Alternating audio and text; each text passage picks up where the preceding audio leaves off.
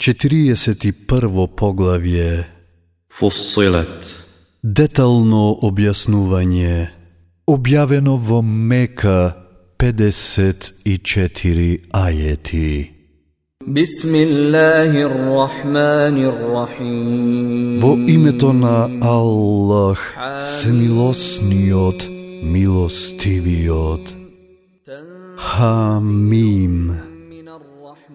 Објава од Милостивиот, Семилосниот, книга чии ајети се детално изложени, Куран на арапски јазик за луѓето кои знаат, радовесник и предупредувач, и пак повеќето од нив главите ги вртат, не сакаат ниту да чујат.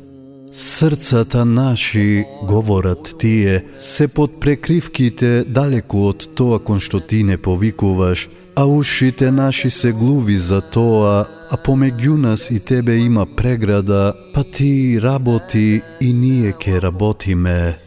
Кажи, Јас сум само човек како и вие, мене само ми се објавува дека вашиот Бог е само еден Бог. Затоа само кон Него искрено управете му се и од Него прошка барајте, а тешко на тие што не му рамни му припишуваат, кои зекат не даваат и кои во оној свет не веруваат. Тие што веруваат и што прават добри дела на вистина ги чека награда непрекидна. Кажи, зарем вие на вистина не сакате да верувате во тој што ја создаде земјата во два временски периода и уште други зарамни му припишувате, тоа е господарот на световите, Тој низ неа неподвижни планини создаде и благословена ја направи и производите нејзини на неа ги одреди, сето тоа во четири временски периоди. Ова е објаснување за тие што прашуваат, потоа кон небеските висини се насочи додека небото се уште беше маглина, па нему и на земјата им рече, појавете се милум или силум, Се појавуваме со задоволство, одговорија, па во два временски периода како седум небеса ги создаде и одреди што ќе се наоѓа во секое небо. А најблиското небо со сјајни звезди го украсивме и ние над нив бдееме. Тоа е одредба на силниот и сезнајниот. А ако главите ги свртат, ти кажи – Ве опоменувам со таква молња каква што ги погоди Ад и Семуд, кога од сите страни пратениците нивни им доаѓа, не обожувајте никого освен Аллах, а тие одговараа, да сакаше господарот наш, тој мелеци ке ни пратеше, ние не веруваме во тоа што е пратено по вас. Народот Ад без никаква основа на земјата се вообрази. Кој е посилен од нас, говореа, а зарем не знаеја дека Аллах кој ги создаде е посилен од нив, а и доказите наши ги негираа.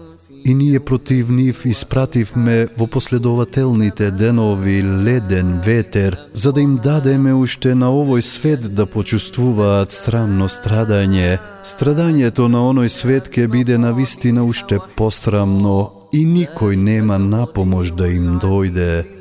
А и на Семуд на вистинскиот пат му укажавме, но ним им беше помило слепилото од упатството, па го стигна срамно страдање од молња според тоа што го заслужи, а тие што верува и што се плашеа од Аллах, ние ги спасивме. А на денот кога Аллаховите непријатели ке бидат протерани во огнот, тие први ќе бидат задржани за останатите да ги стигнат и кога ќе дојдат до него, ушите нивни и очите нивни и кожите нивни ќе сведочат против нив за тоа што го правеле.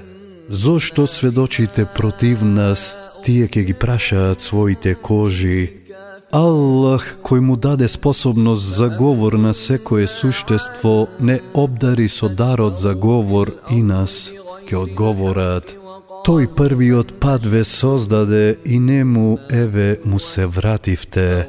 Вие не се криевте за да не сведочат ушите ваши и очите ваши и кожите ваши против вас, туку затоа што мислевте дека Аллах нема да дознае за многу нешта што сте ги правеле. И тоа ваше уверување кое за Господарот свој го имавте, ве упропасти, па станавте губитници. Па иако трпат, нивното престојувалиште ке биде огнот, а ако бараат наклоност од Аллах, на нивната молба нема да им се удоволи.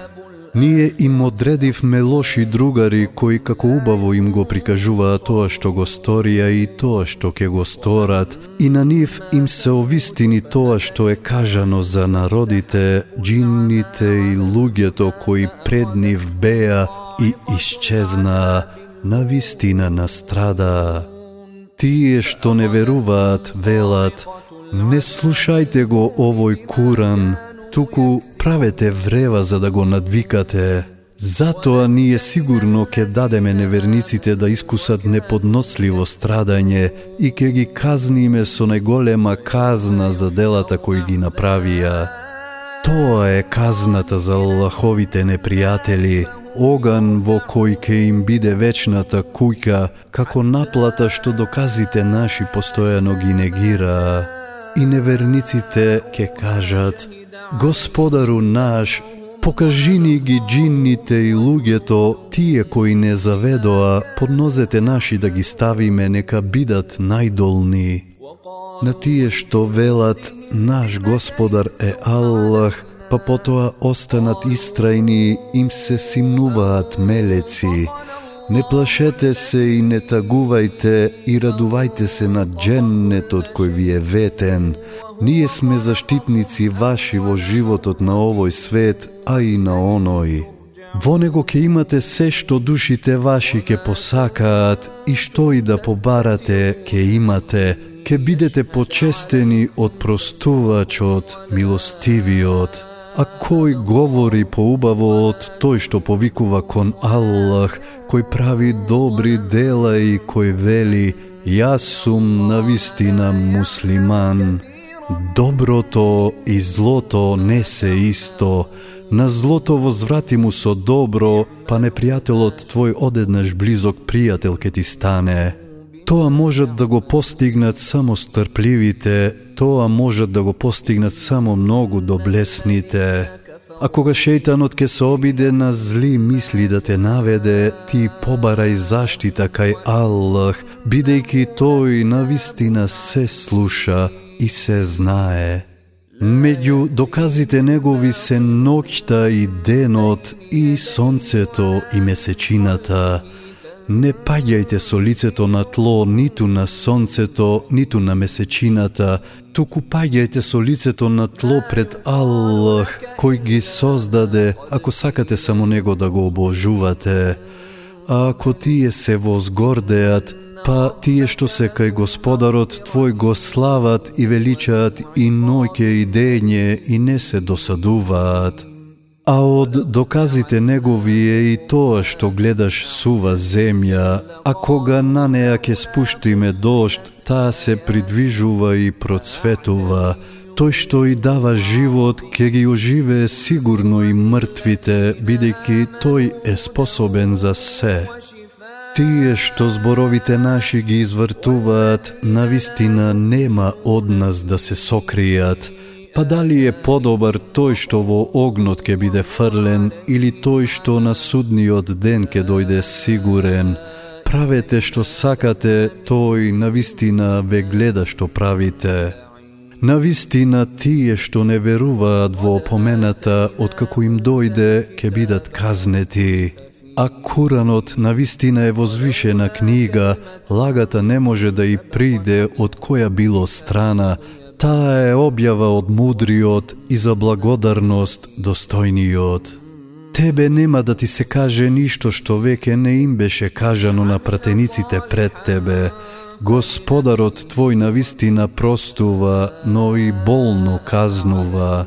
А да го објавевме Куранот на туѓ јазик, тие сигурно ке кажеа, би требало ајетите да бидат разбирливи, зарем јазикот да е туѓ, а тој на кого му се објавува е араб, кажи, тој е упатство и лек за верниците, а тие што не сакаат да веруваат и глуви и слепи се, како да биваат повикувани од далечни места.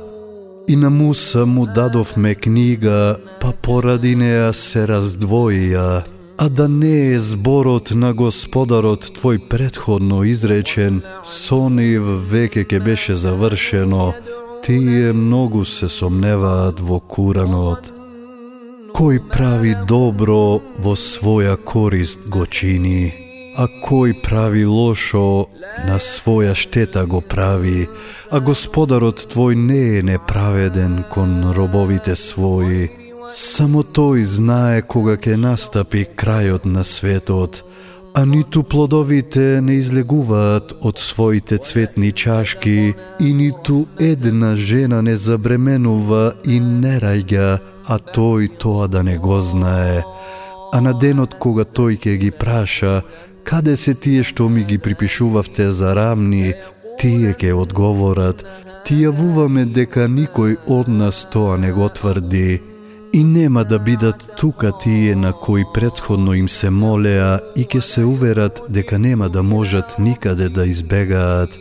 На човекот не му досадува да бара богатство, а кога ќе го снајде сиромаштво, тогаш паѓа во очај и губи надеж.